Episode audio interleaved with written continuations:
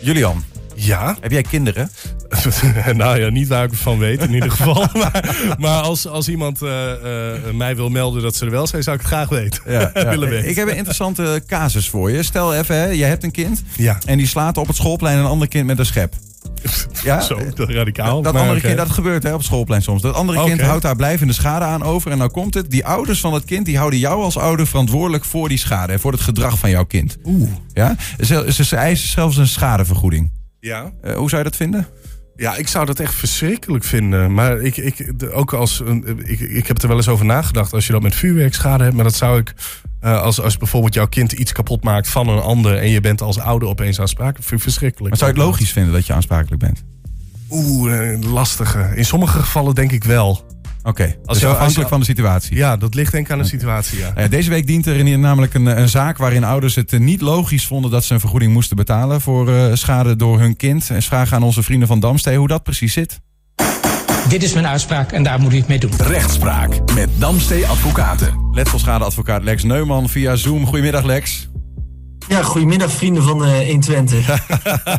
Ja, de vraag is, eh, kun je als ouders aansprakelijk worden gehouden voor schade die wordt veroorzaakt door je kind? En nou, nou, nou speelt er een zaak deze week met een bijzondere, eh, ja, ja, een bijzondere zaak. Wat speelt er precies?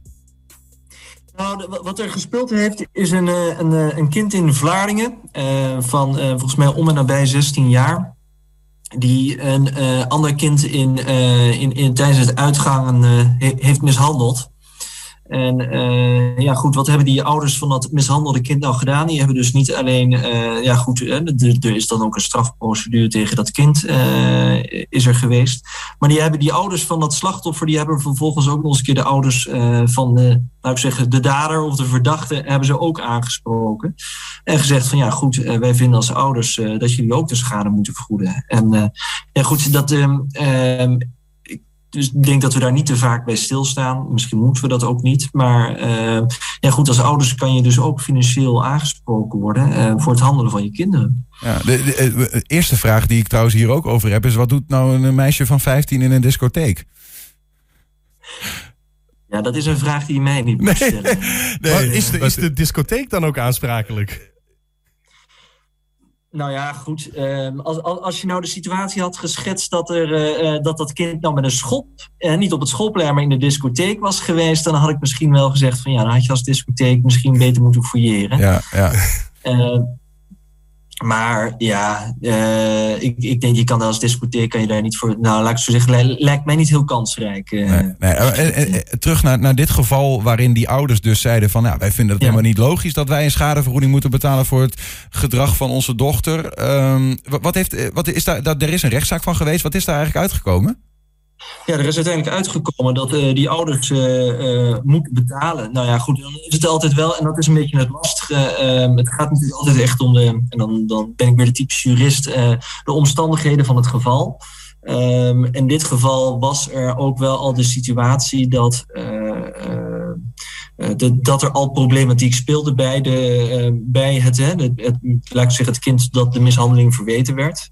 Ehm, en ja, goed, en dat je als ouders misschien ook in dat opzicht al wel had, eh, je af had moeten vragen: is het nou verstandig om mijn kind eh, dan nu ook nog eens een keer uit te laten gaan? Eh, en ja, en goed, je hebt, en dat is natuurlijk ook wel belangrijk, als ouder heb je gewoon eh, tot in ieder geval de minder, meerderjarigheid van het kind, heb je sowieso een bepaalde verantwoordelijkheid voor het kind. Ja, ja, ja, ja. Dus eh, je kunt zeggen in dit geval, al- als je kind geneigd is om een beetje zwabberend te fietsen, dan ben je als ouders in ieder geval verantwoordelijk om te zorgen dat je kind ver van een auto fietst voordat hij daar schade aan veroorzaakt, zeg maar. Nou, bijvoorbeeld, ja. En, eh, en dat is op zich ook nog wel aardig. Ehm, eh, toevallig had ik nu ook een, eh, net een andere zaak die ook is afgedaan. S- stel je nou voor, ehm, en dat, of nou ja, het, het, heeft zich letterlijk voorgedaan. Kind rent uit de zandbak ehm, over een fietspad. En net op dat moment fietst daar iemand langs. En dat kind dat loopt tegen die fiets op. Nou, formeel gezien ben je dus, en dat kind dat is onder de 14 jaar, dat is wel belangrijk. ehm, onder de 14 jaar en, en, en die fietsen die komt te vallen. Ja, dan kan je natuurlijk zeggen van ja goed, hè, wat, kan dat kind er nou aan doen? Uh, daar was misschien een of andere reden voor. Ehm, of wat dan ook, ze letten niet op. Nou, in dit geval is het dan eigenlijk heel simpel. Um, kind onder de 14 jaar kan je niet rechtstreeks aansprakelijk stellen. Um, zijn eigenlijk altijd, als er iemand aansprakelijk is, de ouders. En dan zijn de ouders aansprakelijk alsof het kind meerder, en dan moet je eigenlijk eh, bedenken dat alsof het kind meerderjarig zou zijn geweest. Ja, goed. Dus als jij het fietspad zomaar overrent en een fietser omverloopt, ben je aansprakelijk. Dus ouders zijn aansprakelijk. Nou, Ja. En dan heb je dus nog de situatie van 14 tot en met 16. Dan is het zo dat je eigenlijk als ouder alleen aansprakelijk bent als je eh, als, als ouder verweten kan worden eh, dat je het kind er niet van het belet om het, eh, het Ja, eh, ja, ja. ja, te Ja. handelen. Ja, dus, Eh, dus dat in, in dit geval is dat dus het. Hè, Precies. dat jij als ouders niet hebt ingegrepen en niet ervoor hebt gezorgd dat jouw kind niet naar die club gaat. Ja, dus dat, begrijp ik hem. Dus even, dat kind op het schoolplein zit waarschijnlijk op de basisschool. Daar is die ouder sowieso aansprakelijk.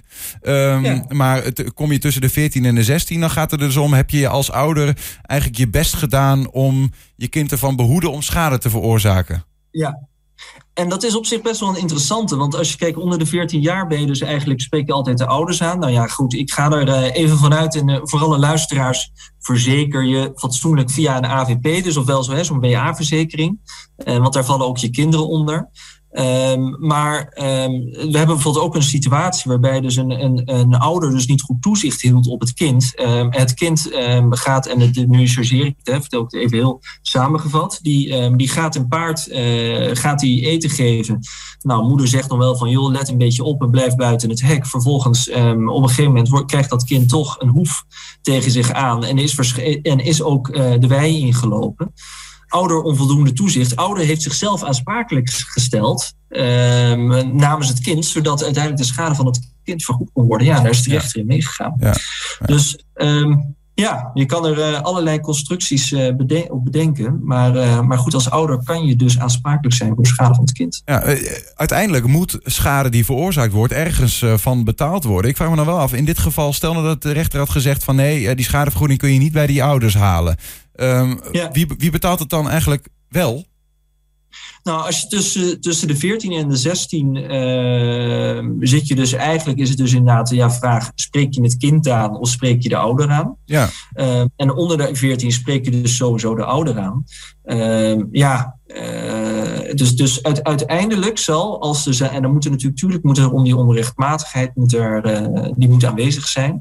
Maar in dat geval, ja, komt dat dus bij, we gaan er maar vanuit dat het eigenlijk, ik zou ben zeggen, in heel veel gevallen gewoon bij de ouders terechtkomt. Ja, ja maar ja, goed, het meisje van 15, um, is die dan ook voor zichzelf altijd verzekerd? Stel dat ze het zelf zou moeten betalen?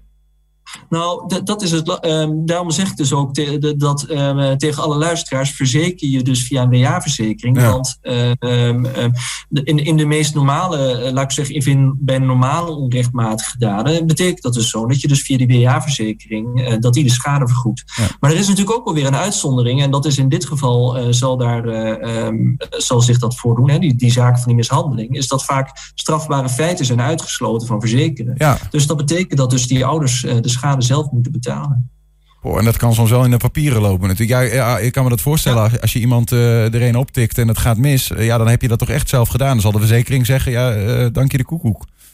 Ja, nou exact. Ja. Dus dat is, uh, ja goed, en je, zou natuurlijk bijvoorbeeld nog wel, ja, en je zit dus ook een beetje, dus, kijk, zolang het niet in de strafrechtelijke sfeer komt, dan kom je er uh, qua verzekeren, kom je er misschien nog wel onderuit. Maar ja. uh, zodra het echt gaat om ja, mishandeling, uh, dan kan het, kan het zo zijn dat het uitgesloten is. Is, is er nog een verschil, Lex, tussen, want je bent zelf letselschadeadvocaat, tussen schade ja. aan, zeg maar, materiaal en schade aan personen? Of, of is dat verzekeringswise en aansprakelijkheidswise hetzelfde? Ja, nou, de, die kan daar een heel college over geven. Uh, waar het, het, gaat namelijk dan. De, de, het gaat dan over de toerekening. Uh, en je hebt dan zoiets als toerekening naar redelijkheid. En we kijken dan eigenlijk uh, naar de vraag inderdaad over wat voor schade hebben we het nou. En, en, en dan, goed, het wordt een heel juridisch verhaal, maar het gaat dan.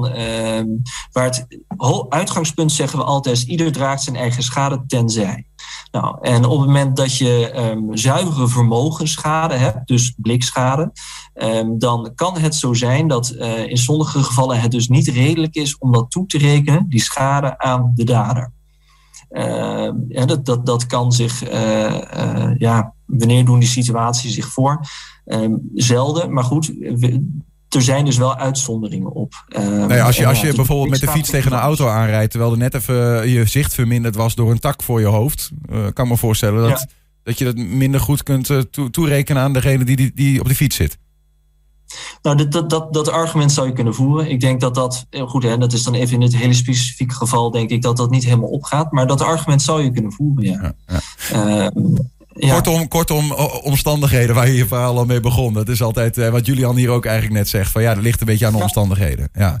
Um, ja, het zit echt in de omstandigheden. Dus, uh, en, en, en daarom verzeker je, verzeker je, verzeker je. Ja, ja. nou dank in ieder geval ook voor, uh, voor dat advies. En ook voor het uitleggen van de meer algemeenheden in deze zaak die altijd gelden. Ja, dus, uh, en, uh, dus ook ouders, uh, hou je kinderen thuis. Hè? Dat is eigenlijk gewoon.